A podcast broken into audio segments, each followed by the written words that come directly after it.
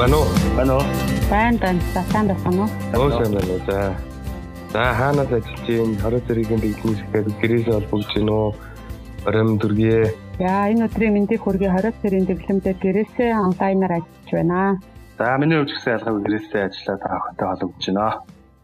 За тэгэхээр сонсогч нартай бас энэ өдрийн мэндийг хүргэе. Хууль зүйн судалгааны цахим сан Legal Data хамт олноос эрхлэн хүргэдэг Legal Talks podcast-ийн ээлж дугаарыг хуурана. Энэ удаагийн дугаараар бид бас COVID-19 энэ хорой зэрийн дэглэм бэлэн байдлыг өндөржүүлсэн зэрэгт одоо шилжсэн зэрэгтэй холбогдуулаад COVID-19 цар тахлын хөдөлмөрийн харилцааг хэрхэн зохицуулах вэ сэдвээр ярилцах нь одоо иргэдэд үр өгөөжтэй баха гэж үзээд энэ сэдвийг сонгохон ярилцах бэлэн боллоо. Энэ удаагийн дугаарыг Монголын хуульчдын холбооны ус хөдөлмөрийн эрх зүйроотой хамтран эхлэн хүргэж байгаа юм аа. Энэ удаагийн дугаарын зочноор Монголын хуульчдын холбооны хөдөлмөрийн эрх зүйрооны тэргүүн хуульч Баасанжав за зочин хөдөлгчөөр оюуны нөөц төрийн бас байгууллагын судлаач мөнх чаргал нар оролцоод бэлэн болсон байна. 2020 оны 11 сарын 11-ний өдөр Монгол улсын засгийн газар хуралдаа 178 дугаар тогтоол буюу бүх нийтийн бэлэн байдлын зэрэгтэй шилжүүлэх тухай тогтоолыг батлан гаргаад энэ хүл хөдөлгөөн одоо байгууллагуудын үйл ажиллагаа эднэр юмнуудыг бас хязгаарлсан. Үүнтэй холбоотойгоор ажил олгогч за ажилтны зүгээс энэ хөдөлмөрлөх эрх энэ хөдөлмөрийн харилцаатай холбоотой бас нэлээд одоо шийдлээ хүлээс энэ асуудлуудыг бас үр дагавруудыг дагуулж ийн гэж харж байна л да. Тэгээ энтэй холбоотой бас ямар хүндрэл бэрхшээл үүсэж ийн гэж харж байна вэ? Баасан жоо хуульчаас бас ажил олгогчдаас нь та нэг юу гэж харж байна вэ? За Одоо тэгэхээр яг энэ коронавирус буюу ганц Монгол улсад биш дэлхийд дахныг хамарсан энэ цар тахлаа гэдэг нэгэн зарлагдсан. Тэгээд э, одоо өндөржүүлсэн бүр одоо бид бүх нийтийн бэлэн байдлын зэрэгт одоо 2020 оны 11 дугаар сарын 12-ны өдрөөс шилжсэн энэ нөхцөл байдал улмрын харилцааг зохицуулах тийм наривчлсан одоо илүү тодорхой тэгээд энэ гамшигын үеийн тусгай зохицуултыг шаардсан ийм үе боллоо л доо. Тэгээ энэ бол бүх нийтэд одоо төрийн төрийн бус хувийн хвшил жижиг дунд гэлтгүү бүх аж ахуй нэгж байгууллага иргэдэд одоо холбоотой асуудлыг хөндөж байна. Тэгэхээр энэ дээр хэрхэн зохицуулах уу? Тэгээд ямар зохицуултууд хэрэглэх үү гэсэн ийм хоёр тусдаа асуудлыг хөндөж байна гэж үзэж байгаа. Одоо хууль тогтоомж энэ үед яаж хэрэглэгдэх юм? Хуулийн дараалал хэрэглээний асуудлаа тэгээд түүний дараа одоо энэ яаж зохицуулах вэ тэр хууль тогтоомжид заасан байна уу заагаагүй бол хэрхэн яаж зохицуулах вэ гэсэн ийм нөхцөл байдлыг бол үүсгэж байна. Ялангуяа нөө цалин үлсийг олгох төр тэгэхээр ийм нөхцөл байдал бол энд үүсээд байна гэж харж байна. За мөнх чаргал үйлчийн тухайд ажилтны талаас харуул ер нь ямар хүндрэл бэрхшээлүүд үүсчих шүү. За бидний хувьд бол яг хуу бэлэн байдал шилжихээс өмнө өндөржүүлсэн бэлэн байдлын хугацаанд бараг 6 7 8 сар орог ажиллачуу да. За ээлжийн амралтын хүчээр өгч байгаа ч юм уу. За цалингүй чөлөө аав гэж хэлэх. За магадгүй үйл ажиллагаанд оролдоод ин ажлаас халах асуудал байна. Ажлын цаг багасгах гээд ерөөдөө яг уу яг ажил үүрэг цалин үйлстэй холбоотой хүндрэлүүд үүсэж байна. За тэр 20 цэрийн дэглэмийн үед тусгай хууль тогтоомж батлагдаад энийг хөдөлмөрийн тухай хуулиа мөрдгүү энэ хуулиа мөрдгүү гэдэг ийм асуудал яригдж байна л та. Тухайлбал 2020 оны 4 сард улсын их хурлаас коронавируст халдварын цар тахлын өрсөн сэргийлийг тэмцэх нийгмийн эдийн засгийн үзүүлэх нөлөөллийг бууруулах тухай хуулийг баталсан. Тэгэхээр энэ хуулийн бас тодорхой хэсэг нь бол өөрөө нэг хөдөлмөрийн эрх зүйн харилцааг зохицуулахад чиглэсэн байгаа юм. А нөгөө талаас нь хараад үзэхээр хөдөлмөрийн тухай хууль бол мэдээж энэ одоо энэ харилцаанд мөрдөгч байна. Энэ хоёр хуулийн зохицуулт нь одоо аль нь энэ харилцаанд давмгай байдлаар үйлчлэх юм бэ? Одоо жишээл ажилтныг халж болохгүй гэдэг юм уу, цомгтол хийж болохгүй гэдэг нэг ковидыг товчлоо нөгөө урт нэртэй хуулиа ковид хууль гэж нэрлэжээ. Ийм асуудалгаа учраас энэ хууль хэрэглээний ирэмбий аль нь тэргүүнд байх ёстой бэ гэдэг ийм асуулт байна. За харин тэг яг энэ асуудлыг эхлээд хөндөд ярих нь бол зүйтэй хаа. Тэгэхээр манай цар тахлын үед бол бол тухайлан хуулийг гаргах батлах замаар энэ асуудлыг зохицуулах тэр аргыг хэрэгжилж гэнэ гэж харж байгаа юм. Тэр нь бол одоо энэ сая товчлсон хэдүүлээ нэрээр нэрлэе гэж ярьсан ковидын тухай хууль 4 сарын 29-нд баталсан. Энэ хууль дээр бол одоо аж ахуй нэгж байгууллага ямар үүрэг хүлээх вэ гэдгийг заасан байна. Тэгэхээр энэ хууль бол энэ яг одоо энэ өөрөө энэ харилцаа энэ ковидтай холбоотойгоор энэ нөхцөл байдал үүсэж учраас энэ хууль бол тэргуун ээлжинд үйлчлэн а дараа нь бол одоо гамшигаас хамгаалах тухай хууль болон эдгээр хуульд заасан одоо эрүүл мэндийн тухай хууль тэгээд холбогдох байгууллагууд болох эрх бүхий байгууллагууд болох засгийн газар Улсын онцгой комисс а тэгээд энэ ковидтай холбоотой энэ харилцааг зохицуул нийслэлийн нийслэлийн засаг дарга гэдэг юм уу? Тэгээд тухайн байгууллагын гамшигаас хамгаалахын асуудлыг зохицуулж байгаа комисс хороо бол байгууллага дотроо хэн нь ажиллах уу гэдгийг бүрийн байгууллагын хувьд 10-аас 15% нь ажил нь бусд ажиллахгүй гэсэн байгаа. Байхад одоо хин хин ажиллах уу гэдэг. Одоо хөл хорооныхоо дэглэмийг баримтлаараа гэхээр бүх ажилтан мэдээж ажиллахгүй.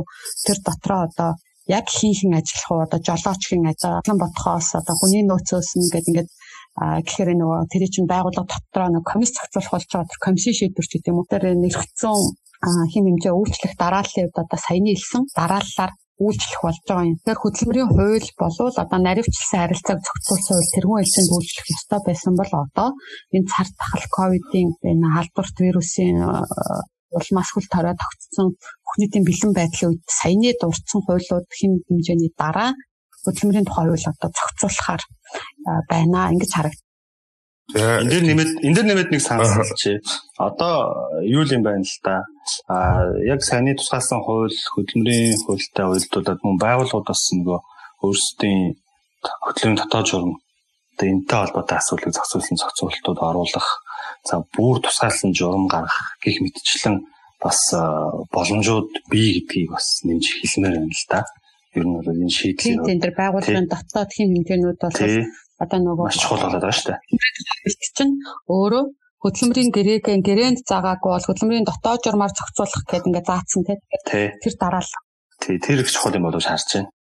За би иргэний хуулийн одоо бас нөгөө давчгүй хүчин зүйлийн нөхцөл байдал бас нөгөө талаас учраас иргэний хууль бас өөрчлөхөр байгаа хгүй энэ тохиолдолд. Зөв зөв санал нэг байна. За дараагийн асуулт нөгөө хэдүүлээ эхлэхэд ярьсан хүндрэл бэрхшээлтэй холбоотой асуудлаар за ажил олгогч бол энэ тохиол нөгөө үйл ажиллагааг явагдахгүй байгаа тохиол ажиллагаа цалин тавьж чадахгүй юм асуудал үүсэж байгаа. Тэгэхээр энэ тохиол ямар арга хэмжээ авч ийн гэж судлаад харахаар нэг бол хөдөлмөрийн хуулийн нөгөө 40 нэг цааснараа ажилтныхаа орон тоог зөөрүүлчих гэдэг юм уу а салбар нэгжээ татан буулгах гэдэг юм уу ийм арга хэмжээ авч байгаа нэг хэсэг багш байна. За ажлаа салах тохиолдол гарч байна. Эсвэл нөгөө ээлжийн амлалтыг хүчээр хөдөлгөх гэдэг юм юм байна. Цалингүй чөлөө болгоно гэдэр гээд ийм арга хэлбэр одоо энэ үүсэж байгаа санхүүгийн асуудлаа шийдвэрлэж байна. Тэгэхээр энэ өөрөө хууль нийцж гин үгүй юу? Ер нь ямар арга хэмжээг авбал зүйтэй юм бэ? Энэ асуудлыг одоо нөгөө хилээд байгаа ковидын үйлээр тусгаарлан зохицуулсан байна уу? Энэ өөрөө хөдөлмөрийн тухай хуульдаа эргээд зөрчилж гин гэдэг ийм асуулт. За тэгэхээр мөх зарглаа бас нэмээд хэлээрээ би одоо миний харж байгаагаар бол энэ коронавирус нөгөө ковидын тухай хуульд маань 13 дугаар зүйл нь аж ахуй нэгж байгууллагын эрхийг одоо тухайлан зааж өгсөн байна. Тэгэхээр энэ хуулийн одоо саяны дурдсан 13-т 3 дугаар зүйлд бол хөл хорой цэрийн дэглэмд байгаа. А мөн тусгаарлалт нь дахиад одоо тусгаарлалтанд орсон хүмүүс байгаа шүү дээ. Тэр дотор ч айл нэг байгууллага тариалагч ажилтнууд байгаа. Тэгэхээр энэ орсон ажилтнуудын хувьд а одоо хөл хорионд бол нийтээр л байна л та. Тэгэхээр ерөнхийдөө нийтээрээ ажилтнуудын ажлын байрыг хэвээр хадгалах гэдгийг бол ингээд тухайлан ямар ч байсан ажлын байрыг хадгална шүү гэж заасан ба. За тэгээ энэ хууль маань болохоор аль болохоор одоо эрхүүдийг нөгөө талд ажил чинь одоо хитэн ажилтнаа та байх уу ажил үүрэг байхгүй байгаа тохиолдолд ажил үүргийг нь бол одоо багасгаж болох уу ажлын ажилтныхаа тоог цөөрүүлж болох уу гэдэг эрхт нь одоо халдсан зохицуулт гэсэн үг шүү дээ. Тэгэхээр энэ ковидын тухай хуулиар бол хүний эрхийг аль болохоор хамгийн багаар хязгаарлана. Гэхдээ зайлшгүй арга хэмжээнүүдийг бол энэ нөхцөл байдалтай тохируулан авнаа л гэсэн үндсэн зарчим үйлчлээд Тэгэхээр энд бол ажлын байрыг ямар ч хэвээр хадгалан за хэвээр хадгална гэдгийн хууль зүйр дагавар бол төрөл мэнд нийгмийн даатгалын шимтгэлийг энэ хугацаанд нь төлөвдөнө гэсэн үг тийм. Төмөрөөснөө доод хэмжээгээр өнөө цалин үндсэн цалингийн хэмжээгээр өнөө ямарчсан энэ хугацаанд олгох тэр нийгмийн даатгалын шимтгэл төлөвлөлт гарах эсвэл одоо хүүхэд гаргах ажилгүй болох хугацаанд бол нийгмийн даатгалын шимтгэл тасардахгүй төлөвлөлт төлөгцсөн байна гэж бол харагдаж байгаа юм. А бусдаар цалин хөлсийг олгох хэдэн цагаар ажилуулах уу, ажлын цагийг богиносох уу гэсэн тэр зохицуултуудыг бол энэ ковидын тухай хууль болон гамшигаас хамгаалах тухай хууль одоо өнөөдрийг хүртэл гараад байгаа засгийн газар улсын онцгой комиссийн бол шийдвэрүүдээр бол хараахан зохицуулаагүй. Зөвхөн нийслэлийн засаг даргын захирамжаар 12 нас хүртэлх хүүхэдтэй. А эмэгтэй эсвэл ганц үе эрэгтэй ажилтнуудын хувьд бол аль болохоор гэрээс ажилуулад түүнийг ажилсан тооцоороо гэдэг засаг даргын захирамж бол 11 сарын 1-ний өдөр гарсан байж байгаа дараа нь бол тэр захирамжийн үйлчлэх хугацаа 14 хүртэл байсан уу яс дараагийн захирамжуудад бол тэр бол дахин дурддаггүй харагдчихж байсан. Цалин үйлчлэлтэй холбоотой зохицуулалт бол өөр саяны хэлснээс өөрөөр бол хийгдээгүй. Аа мөнгөцгөл судлаач би миний бодлоор бол одоо яг хүмүүс нөгөө аливаар нь барих вэ гэж ингээл хайж ин тэ. Тэгээ сайн ирснээр ингээд тусгаалсан хин хэмжээнд наривчлан зохицуулт алаа. Тэгээд өөрсдийнх нь дотоод журам энэ төр хугацаанд батлсан дөрвөн журамд нь хамаарах зүйл байхгүй өөрсдөө зохицуулаагүй юм аж ахуйн нөхцөл байвал одоо яг ч чгүй хөдөлмөрийн хууль бол орно л доо. Тэгээ хөдөлмөрийн хуулиас харахаар а бидний хувьд өндөржүүлсэн бэлэн байдал буюу одоо арай хөл хорионы дэглэм арай чөлөөтэй байсан үед энэ үйл ажиллагаа нь хязгаарлагдаж ажил олгогч талаасаа шалтгаалаад ингээд ажлын байр нь одоо байхгүй болох юм уу сул зогсох ийм асуудал үүссэн үед бол сулсралтын олгор олгох байсан.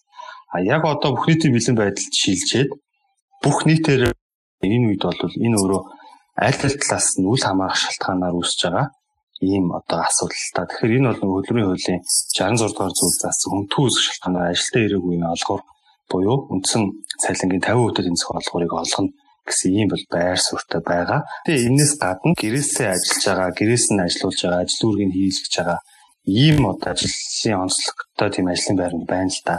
Энэ тохиолдолд бол магадгүй цалингийн 100% олгох эсвэл 70 80% олгох гүйцэтгэлээр нь олгох гэд ингээд э, бас уян хатан зохицуулж болно. Магадгүй одоо бүр хөл хорионд ороогүй өндөө бас одоо ажлууд байгаа л да. Эдгээр бол бүтэн хэмжээгээр цалингаа одоо тэр гэр аваад явна гэсэн. Ийм байр суурь бодолтой.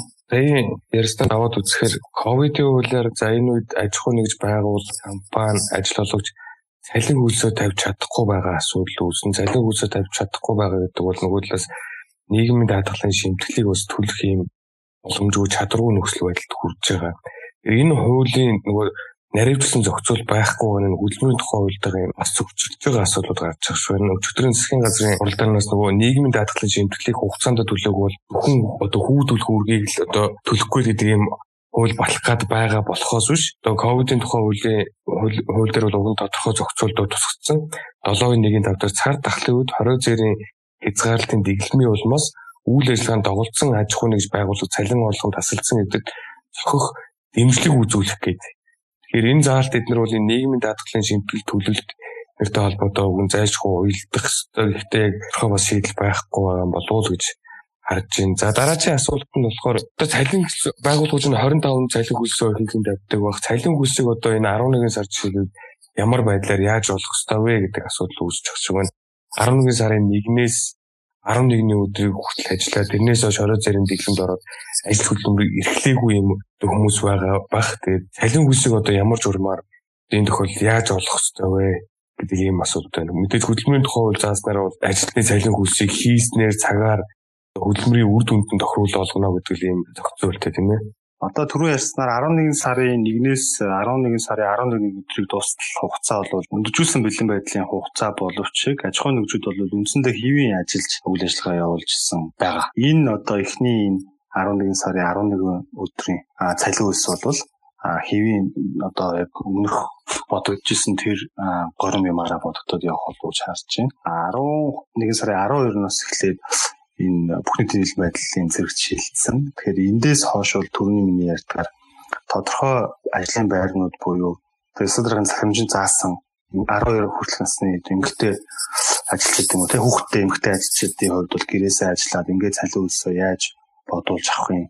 Аж ахуй нэг чинь бас дөрвөн жуун байна те энүүгээрээ явна. А нөгөө хөл хорионд орсон хүмүүс маань бол яалтчгүй энэ хөдөлмөрийн хөл рүү бол очих болов гэж харж байна Тэгэхээр тэр нь бол өдрөөлөн 66 дугаар зүйл заасан тогтцоолтын дагуу үндсэн цалингийн 50% бодогдохоор хэрвээ ажил үүргээ тодорхой хэмжээнд гүйцэтгэхээр гэр орноос ажиллаа явж байгаа бол а энэ бол тэр хувь хэмжээ өсөөл явна л да. Тэгэхээр энэ дэр одоо юу гэдэг яг хатуу би бол одоо бүх ажлын байран дээр тийм гэж яг хэлж харах чадахгүй байгаа юм л да. За миний хувьд бол бас ерөнхийдөө зарчмын хувьд бол мөхч жаргал хуульчтай ижил а гэхдээ Талин үйлчлэлтэй холбоотой яг асуудлын хувьд бол хөдөлмөрийн тухай хуулийг а одоо хэрэглэх зайлшгүй шаардлага гарч байгаа хэдий ч хөдөлмөрийн тухай хууль яг одоо энэ гамшигаас хамаарат а тэгээд ажил олгогчийн зүгээс өөрөө ажиллаар хангах одоо боломжгүй болох уу ажил олгогчийн буруугүй шалтгаанаар одоо энэ чинь нөхцөл байдал үүссэн энэ үед ажил ажиллаагүй ажилтны цалин хэрхэн олох вэ гэдэг зохицуулт бол яг 100% таарсан зохицуулт нь бол байгаа байхгүй байна гэж хараад байна. Хөдөлмөрийн хувьд тийм Тий, одоо энэ 66 дугаар зүйл гэдэг заалт бол хүндэтгүү шалтгаанаар ажилдаа ирээгүй байх үеийн олгор байхгүй юу? Одоо юу н ажиллаагүй үед олгож байгаа зүйлүүдийг олгор гэж нэрлэдэг байгаа. А гэхдээ энэ үед нь бол ажил бол үүрэг бол явж исэн. А тухайн ажилтан бол одоо юу гэдгийг юм тэр таргун тахал гэдэг юм уу? Тухайн нэг горимд байж байгаа түүнээсээ ажил нь бол яваад байдаг. Ирч чадаагүй байгаа үед одоо түүний цалин 50% олгоно гэсэн санаатай. Ажил таслаагүй. А тэгээ ирч чадаагүй шалтгаан хүндэтгүү үзэх гамшиг аюул үүссэн. Одоо галт төмрийн э, аюулын улмаас ч юм уу тийм санаатаагаар болоо байгаад байгаа. Ажил нь бол тэнцээ гэтэл байж исэн. Гэтэл одоо энэ нөхцөл байдал чинь ажил олгогчийн зүгээс ч гэсэн ажиллаар хангая гэвч нийтээр хамаарсан хөл хорионы дэглэмийн улмаас цаана ажил байхгүй байх буюу борлуулалт хийгдээгүй байх бизнесийн үйл ажиллагаа нь бас явахгүй ингээд зогсцсон үе байгаад байгаа байхгүй юу хоёр талаасаа Тэгэхээр юу гэж хэлэх гээд байна гэхээр ажилтны буруугаас нэг нөхцөл байдал үүсдэг, ажил олгогчийн буруугаас нэг нөхцөл байдал үүсдэг. Гурав дахь хүчин зүйлээс буюу давтчих хүчин зүйлийн улмаас аль альнийх нь одоо буруугүй байх те. Тийм шалтгаанаар үүссэн үеийн зохицуулт тэгээд уг нь ялгаатай зохицуултууд бол бус орны хөдөлмөрийн хууль тогтоомж юм уу хууль тогтоомжтой байгаад байна. Тэгэхээр манад бол яг тийм гурав дахь шалтгаанаар а тийм үед ямар байх вэ гэдэг зохицуулт бол хараахан бол яг энэ онсон зохицуулт нь биш гэхдээ иргэний хуульд заасан одоо хууль тогтоомжийг төсөөтэй эргэлэх буюу иргэний хөдөлмөрийн хуульч иргэний хуулийн нэг иргэний харилцаанд хэрэглэгдэх хууль учраас төсөөтэй хэрэглэх зарчим нэг хэрэглэгдэж болно. Тэгэхээр хамгийн төсөөтэй хэрэглэгдэж болох нь 66 дугаар зүйл байгаад байгаа. Тэгэхээр энийг одоо ажил олгогч өөрөө зөвшөөрчэвэл ажилтан энэ гамшигын улмаас ажилдаа ирээгүй тэр ажилтны хувьд бол 50% та тэнцэх олгорыг бол олгож болох гээд байгаа юм тий. А гэхдээ нөгөө талд нь бол ажил олгогчоос юу гэж хэлж чадах гээд байна гэхээр иргэний хууль зааснаар энэ бол давгчгүй хүчин зүйлээ. А би энэ цалин хөлс олгох үүргийг биелүүлмээр байгаа боловч энэ бол надаас үл хамаарах хөндлөнгийн давгчгүй хүчин зүйлийн улмаас би хөдөлмөрийн гэрээнд заасан цалин хөлсийг олгох гэдэг үүргийг бол биелүүлж чадахгүй болчиход байна. Тэгэхээр би энэ гэрээний үүргийг давгчгүй хүчин зүйлийн улмаас олоод чадахгүй нэ уучлаарай гэж хэлэх нөхцөл байдал бас үүсчлээ гэж хэлэхэд бас буруудах аргагүй болчиход байгаа байхгүй юу. Аа. Одоо жишээлбэл одоо яг жижиг дунд яг өнөөдөр борлуулалтаа игээл өнөөдрийнхөө орлогоосоо а цалин хөлс түрээс зээл гэдэг ингээд үйл ажиллагааныхаа зардлуудыг санхүүжүүлдэг аж ахуй нэгжүүдийн хувьд бол яг ийм нөхцөл байдал бодтойгоор энэ давгчгүй хүчин зүйлийн улмаас олгох шаардлага. Тэгэхээр энэ дээр бол одоо энэ хүмүүсийн цалингийн олгоод бусад асуудлыг нь цаашид ингээд энэ хөврөөд явж цалингаа одоо авч ээж тэр нөгөө хоол хүнс өөр хүүхдээ ингээд ингээд нийгмийн бусад асуудлууд явахын чи суур асуудал нагаад байгаа хэрэг. Тэгэхээр тэр цалин олгох гэдэг ажил олгогч тэр цалин олгох хөөсүүрийг нь энэ давгчгүй хүчин зүйлийн улмаас бий болцсон бол хэрхэн яаж хийх вэ гэж шийдэл бас энэ дээр дутаад байгаа. Тэгэхээр энэ дээр бид шийдэл хайх болчиход байгаа. За тэгэхээр энэ шийдлийг хайхыг бол тустай ярмаар байгаа тийм. Одоо бол яг цалин үлсээр тогтож ярьж байгаа учраас за 66-г бол хэрэглэж болно. Гэхдээ нөгөө талд нь огт биелүүлж чадахгүй ажил олгогчийн хувьд бол давгчгүй хүчин зүйлийн надад тохиолдлоо гэж хэлэхэд бол бас түүнийг бол хуулийг буруутгах аргагүй энэ тохиол иргэний хууль бас одоо иргэний хуулийн 221 хүндхүү үз хүнслэлээр гэрээнээс татгалц гэж яг татгалцах зохицуултуудыг зохицуултыг өнгөрсөн хугацаанд нэгэнт одоо ажилтсан энэ 11 сарын одоо 11-ээс одоо тухайлбал өнөөдөр 19 тийм маргааш одоо зарим байгууллага 20-нд цалингаа болгоно 25-нд нэг болгоно энэ үед бол хэрэгжилж болохгүй яг нь цуцлах тухай харигдан тань татгалзах боломжгүй хөдөлмөрийн харилцаан дээр зөв цуцлалт яригдаад явна. Гэхдээ энэ иргэний хуулийн 221 чинь бас цуцлахад ч гэсэн хэрэгжилж болох байхгүй юу? Тэгэхээр энэ зохицуулт болвол бас ажил олгох талаас энэ үндслийг бол бас хэлэх юм бодит нөхцөл байдал бол үүсч байгаа. Ажилтныг а гэтэл бас ажилтныг нөө цалин өссөн. Ковидын үйлээр бол ямар ч сан ажлын байрыг бол ирээдүйд хадгалагдсан байгаа даа шүү дээ 20 зэрийн бол энэ үед 12 сарын 1 хүртэл хадгалагдсан.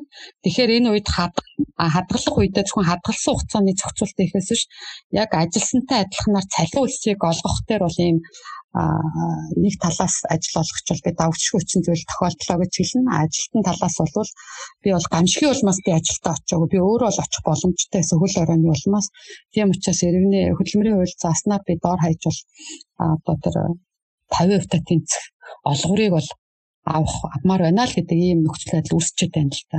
Миний санаа болохоор нөгөө хөдөлмөрийн хөлн чинь цалин өсөх хийснээр нь хөдөлмөрийн үр дүнд тохируулсан олгоно гэдэг шүү дээ. Тэгэхээр тэр нь ч гэсэн бас нийцсэн санаа байна л та. Энэ санаа бол яг л үнэхээр одоо нэгэнт нөгөө гэрээсээ ажиллаад 100% олгож байгаа эсвэл ерөөсөө энэ хөлөөдийг үл хамааран би 100% олгоно гэж байгаа аж ахуйн нэгжтэр бол ерөөсөө асуудал байхгүй шүү дээ. Ер нь гол нь тэгж чадахгүй байгаа дээр ажилтаа ажиллах чинь бас нөгөө хоорондын тохиролцооны зөвшлөлийн юм бас харагдаад байгаа байхгүй миний бодлоор. Одоо яг энэ цаг үед тэр их чухал юм байна харсан.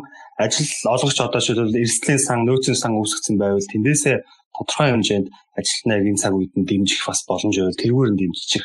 А үнэхээр орлого байхгүй бол энэ удаадаа ажилтнтайгаа тохиролцож цалинг нь маш багаар юм уу баг байхгүй хэмжээнд эсвэл амралтын цалин үжилөө өгч юм уу. Тэгээ тохиролцсон байдлаар л явах болов гэж хараад нэг тал нь шууд тусдаа. Ер нь хөдөлмөрийн харилцаа бол тэгээ анханасаа үүсэж байгаа нь хоёр талууд бол нэг нь ажиллаар хангын нэг нь ажлыг гэдэг ингээд сайн дурын үндсэн дээр хөдөлмөрийн гэрээг харилцан тохиролцсны үндсэндээ байгуулж байгаа үүсэж байгаа харилцаа учраас ийм хүндрэлтэй нөхцөл байдал үүсгэхэд мөн дахин тохиролцох тэгээ зөвшөлдсөх.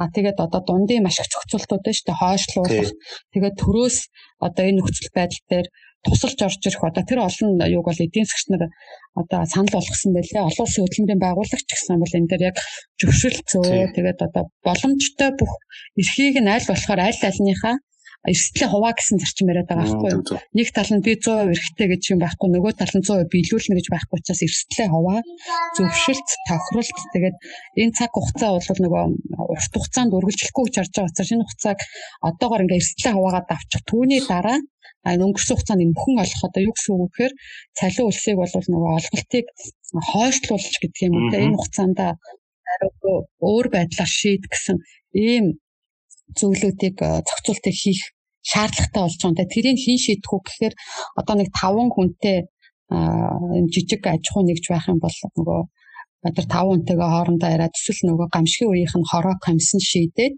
тэгээд боломжтой нөхцлүүдийг бүгдийг хилцээ шийдэх тийм л зүйлийг одоо шаардж байна л та нөхцөл байдал. За тэр дараагийн нэг ийм асуулт байна. За одоо нөгөө бас ажилтан ажил олгогч нар энийг энэ тохиолдлыг юу гэж үзэж байна гэхээр энэ хөдөлмөрийн тухай хуулийн 56-гийн нэг заасан сул зохисолт мөн үү юу хэрвээ сул зохисолт гэж үзэх юм бол нөгөө хамтын гэрээ хэлсэн гэрийн заасан хэмжээний олгор олно гэдэг нэг зохицуулт байдаг дээ. Энэ тал дээр бас ямар байр суурьтай байна. За тэгэхээр яг хуу за яг 100% бол сул зогссон гэж хэлэх бол миний хувьд бол яг таарахгүй байна гэж харж байгаа. Яг бол энэ бол хөл 20 тий гамшигын хууль, ковидын хууль зохицуулаад энэ дээр нийтээрээ хамарсан бүх хүн бол гэр гэртээ байх ёстой.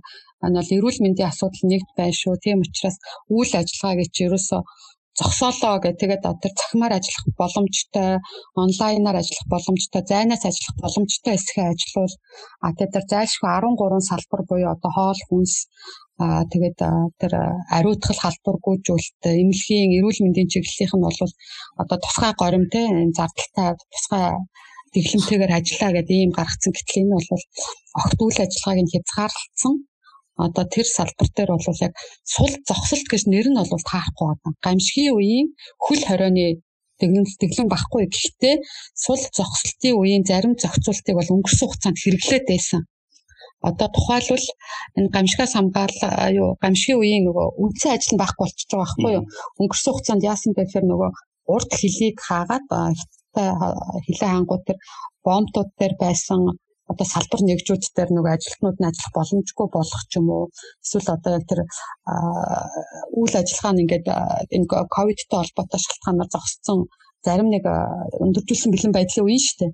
Тэгвэл тэр хүмүүсийг яаж исэн гэхээр өөр ажилд шилжүүлж байсан. Хөдөлмөрийн хувьд бол 45 хүртэл хоногийн хугацаанд бол одоо уг нь бол хөдөлмөрийн гэрээгээр тэр хүнд юу гэсэн байдгийг гэхээр одоо нэвтлэн бодогчоор тэр бомб дээр ажиллах гэсэн байлаа гэж бодоход нэгэн тэр бомб дээр ажиллах боломжгүй болсон бол одоо огт архивын өөр ажлыг татаж авчираад төв дээр хийлгэх ч юм уу ийм зохицуултуудыг хэрэглээ яваад байсан.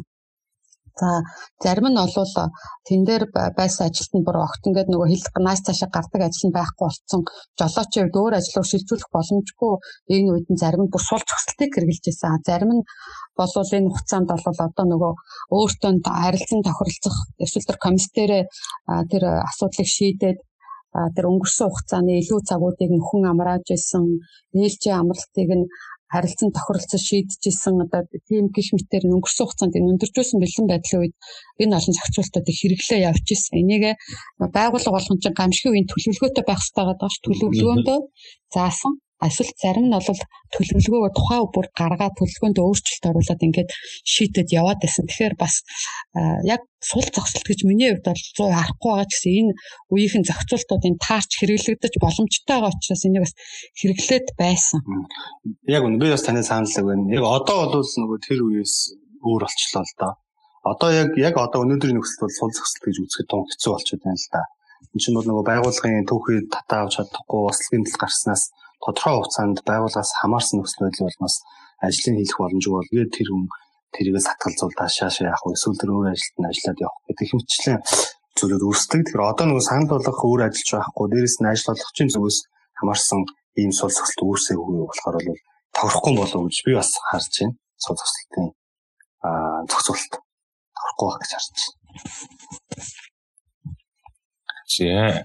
Би бас дараагийн нэг сонирхож одоо бодож байгаа асуулт бол за магадгүй сая энэ хөдөлмөрийн тухай хуулийн 66-гийн 2 гамшигын тохиолдолд ажилтнанд ажилдаа ирээгүй ажилтнанд цалин хүс олох ёстой юу юу эсвэл сул зогсолт мөн үгүй юу гэд эсвэл оронтойг зөөрүүлсэн эднэртэй холбоотойгоор ирээдүйд маргаан үүсч магадгүй л дээ яг энэ асуудалтай холбоотой. Яг энэ тусгай зохицуултын үеийн маргаанууд үүсч магадгүй хөдөлмөр хэцүү байна. Тэгэхээр энэ үед аж ахуй нэгж байгууллага энэ эрсдлийг тооцоод одоо ямар арга хэмжээг авч хэрэгжүүлж ивэл зүгээр юм бэ? Яг сая одоо жишээл 66-гийн 2 56-гийн 1 гээл хоёр талд маргах юм тохиолдод гарч болцсохгүй шүү дээ.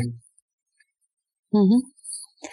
Тэгэхээр ер нь бол одоо яг эхлээд процессын хувьд бол маргаан за ямарч вэ ингээд цалинтай өнгөрсөн хугацаанд ама буруу ажил шилжүүллээ эсвэл миний цалин 50%-аар бодож болохлоо онлайнаар ажилласан ажлын маань буруу үнэллээ ч гэдэг юм уу ийм маргааныг бол эхлээд хэрхэн шийдэх процессын дэлгэцтэй илүү амархнаас нь гэх юм уу. Тэгэхээр энэ цалин үлс ажиллаар хангаагүйтэй буруу ажил хийлгэсэн. Эсвэл одоо заагаад намайг ил одоо миний хүсэлтийг үл харгаа харгалзан амраасан ч гэдэг юм уу те. Илүү цагийг дутуу будаж олгосон нөхөн амраалаа би уг нь илүү цагаа мөнгөөр тооцоолж авах байсан ч гэдэг юм уу. Янз бүрийн асуудлууд үүснэ л те. Тэгэхээр энийг бол шууд бол шүүхэд хамаарах маргаан биш шүү гэдгийг хэлчмээр байгаа юм хөдөлмөрийн тухай хууль бол энэ тохиолдолд бол үйлчлэн ягаад нөө саяны хэлсэн хуулиуд дээр маргааны хэрхэн зохицуулахыг би хараахан бол яг энэ заагаагүй. Тэгээд тэр хуулиудад бас заах боломжгүй байж магадгүй. Тэгэхээр энийг бол нэгдүгээрт бол байгууллагынх нь хөдөлмөрийн маргаан туслах комисс гэж байнгын ажиллагаатай орон тооны бус комиссод байгуулга болгон дээр хуулиар бол байдаг а байхгүй нь бол асуудал үүсэн гут тэрийг байгуулад шууд тэр комисс нь бол шийдвэрлэх боломжтой. А зарим нь комиссгүйгээр шууд хүний нөөц удирдлагатай хандаад энэ асуудлыг эхний ээлжин дотооддоо урдчлан шийдвэрлэх ажиллагаа гэж бид нар нэрлэдэг шүү дээ үйлчлээ. Тийм байдлаар шийдвэрлэх бол процесстэй шүү. Энэ шууд шүүхэд очих маргаан биш. Тэр нь бол нөгөө одоо хөдөлмөрийн гэрээ цуцлсан ажлаас галсан маргаан биш учраас тэгээд тухайн маргааныг нь бол шийдвэрлээгүй тохиолдолд дараагийн шат болж шүүхэд очих юм.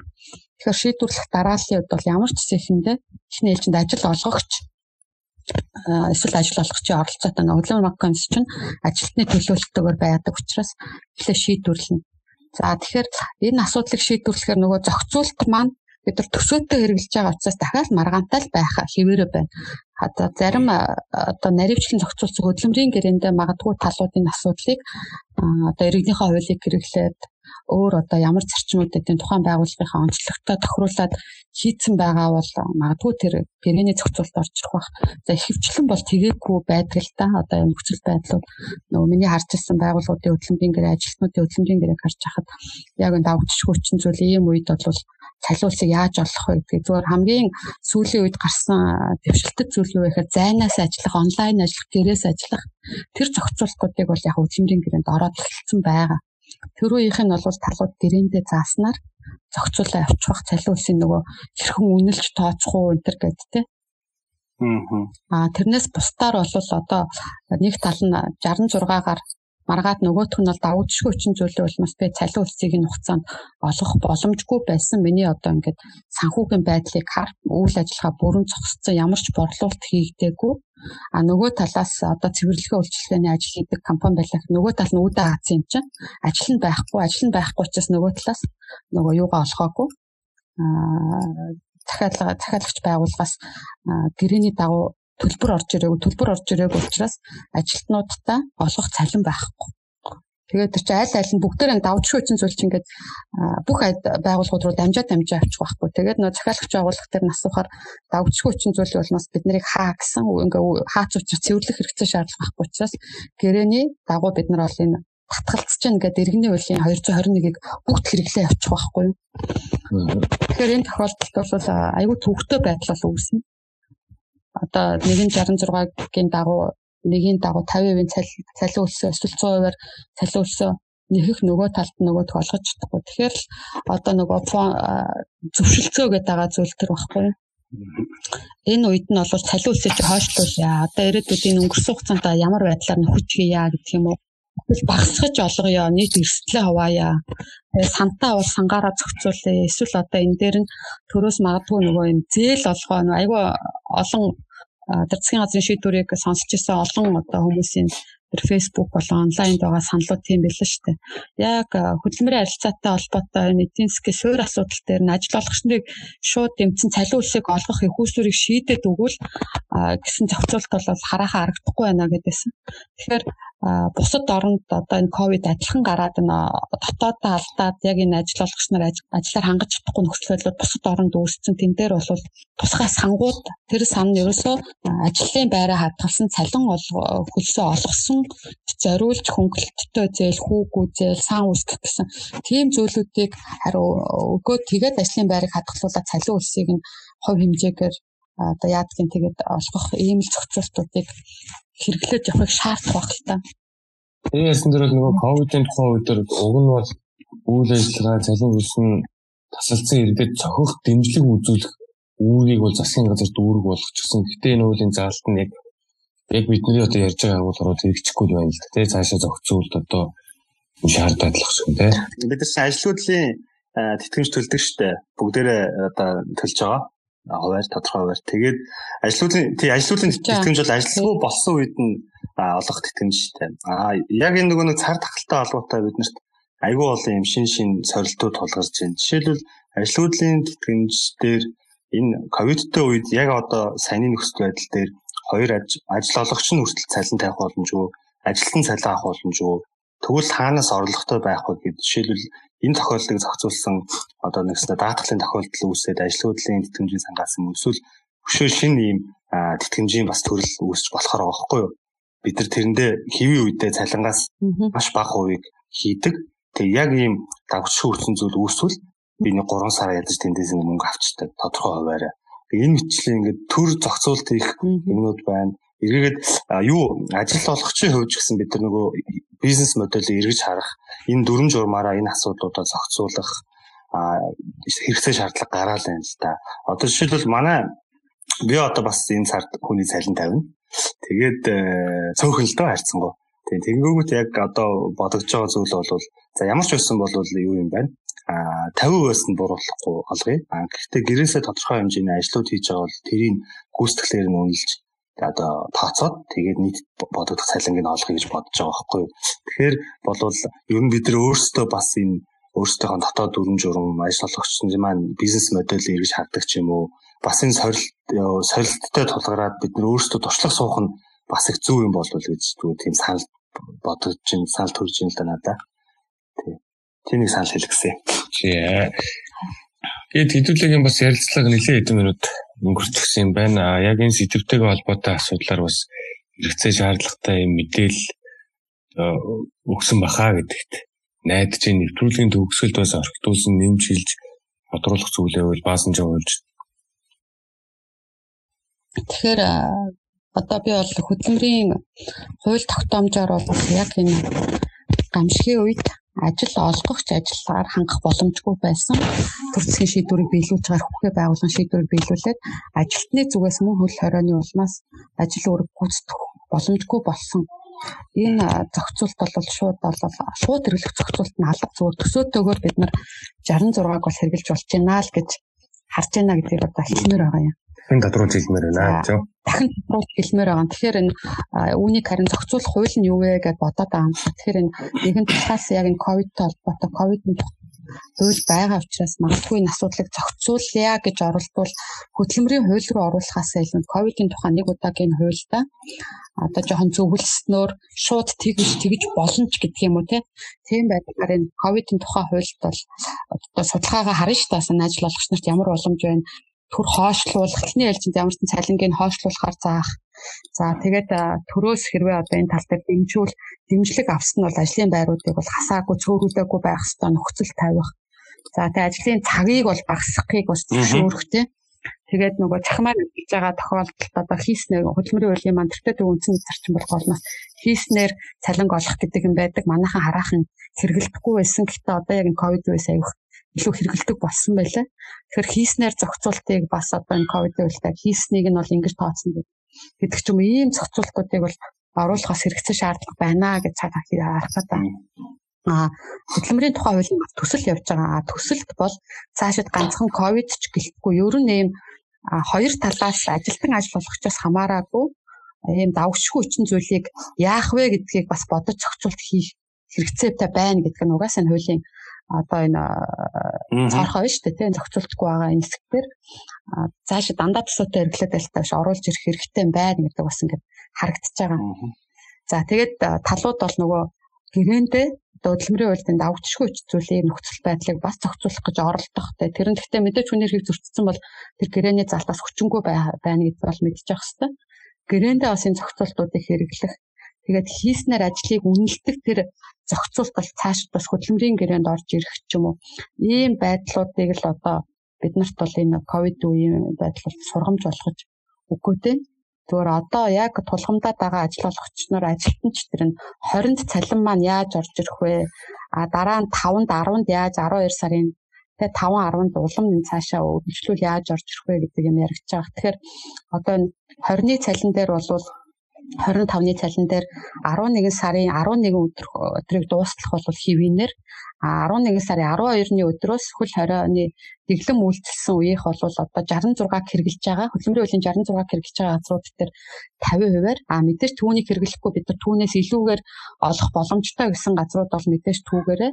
А бүр огт боломжгүй газрууд бол эхний ээлжинд ядаж одоо бага хэмжээгээр арай багасгаад эсвэл хоошлуулад нөгөө илүү цаг өнгөрсөн хугацаанд ажилласан илүү цагуудаа энэ хугацаанд амруулаад тооцоод тий одоо тэг зөвшөлцөөд тэгээд шийдэхийг лэрмэлцэх байх. Одоо ажил хуулийн тэтгэмж гэж ярьж байна. Би шууд ажил хуулийн тэтгэмжийг хэрэглэхээр нөгөө ковидын хууль дээр энэ хөл хорионд байгаа хүмүүсийн ажлын байрыг хадгалах гэсэн. Ажлын байрыг одоо зохих хэмжээнд хадгалаа зарим нэг нь яалтчгүй болов байхгүй болгож байгаа үед бол ажил хуулийн тэтгэмж магадгүй бас бол гарч ирэх л байх аль болохоор ажлын байраа хадгалах бах. Тэгээд магадгүй яах юм бол одоо ажил хуулийн тэтгэмж аа тэгээд мөх жаргалын санал болгосон тэр ажил хуулийн тэтгэмжтэй төстөө яг ийм үеийн одоо тийм даатгалын тогтолцоо одоо бас даатгалч яг юм эрсдлийг хамгаалдаг тогтолцоо шүү дээ. Тэгэхээр бид нар бас тийм даатгалын зүйлийг бас энэ бодож олох хэрэгтэй. Сайн дураар бол байж болно шүү дээ би одоо жишээлбэл байгууллагаас асууж үзэх гэдэг энэ сая мөнгө чаргалыг хэлэнгуут нь. Одоо үргэлжлээд бол би даатгуулж болох уу сайн дураа тэгээд ковид үед би үнэхээр ажиллаж чадаагүй гэдгийг нотлол би даатгалын байгууллагаас авч болох уу гэх тээ одоо би ч бас жижиг ажил болгоч учраас байгууллага бүтнээрээ эсвэл өөрийгөө ч гэдэг юм асууж үзье л ясаа бодож ялла. Тэр ийм л гартыг харах бах та. Яа, тэгэд бас бидний өглөө өглөө авч энэ удаагийн дугаараар болсон баасан жиг өмгөөлөгчтэй бас талхаж байгаа илэрхийлье. Энэ удаагийн дугаараар бид нэр COVID-19 цардахлын үеийг хөдөлмөрийн харилцааг хэрхэн зохицуулах сэдвийн хүрээндээс хэд хэдэн чухал асуудлыг хөндөж ярилцлаа. Өнөөдөр товчлоод бас итгэхэд өгнөд хэлвэл энэ үед бас ковид бидний товчлоод хэлж байгаа ковидын хууль болон энэ хөдөлмөрийн хуулийн ковидын буюу тусгаалсан хуулийн зохицуултуудыг бас зайлшгүй дагаж мөрдөх шаардлага үүсэж байгаа юм байна. Ажил олгогч талаас тухайлбал ажилтны нэг оронтой цомгогдож болохгүй ажлын байрыг нь хадгалах ийм үгийг нэг талаас хүлээж байна гэж бодож ойлгож болох юм. За хоёрдугаар нь бид бас цалин хөлс олохтой холбоотой асуудал дээр бас нэлээд асуудлуудыг ярилцлаа. Одоо энэ дээр бол цалин хөлсийг хийснээр нь за дээрээс нь нэмээд бид нар бас хөдөлмөрийн дотоод журам хөдөлмөрийн гэрээгээ шинжилээд энэ тохиолдлыг дээр юмнуудыг бас хөдөлмөрийн гэрээндээ гамшгүй үед энэ гинтийн болон давагдшгүй хүчин зүйл тохиолдсон үед цалин хөлсийг яаж олох уу гэдэг асуудлаа шийдвэрлэж болох нь байна гэдэг. За мөн хөдөлмөрийн тухай хуулийн тэр 66 дугаар зүйлээс хүндэтгэл үүсэх шалтгаанаар ажилтаа үеийг олгорыг одоо ямар хэмжээнд яаж олох ёстой вэ? Энэ шууд хамааргүй юу юу гэдэг асуудлаар бас тодорхой одоо саналаа илэрхийлээ. Мөн сул зогсолтод хамаарахгүй юу гэдэг энэ олон асуудлаар бас ярилцлаа. Та бүхэн бас энтэй холбоотой мэдээллийг манай legal data-гийн үзсэн болон оюуны инновацийн пэйж үзснээс Facebook-оор ороод авах боломжтой гэдэг бас давхар байна. Яа. За баярлалаа. За баярлалаа. За баярлалаа.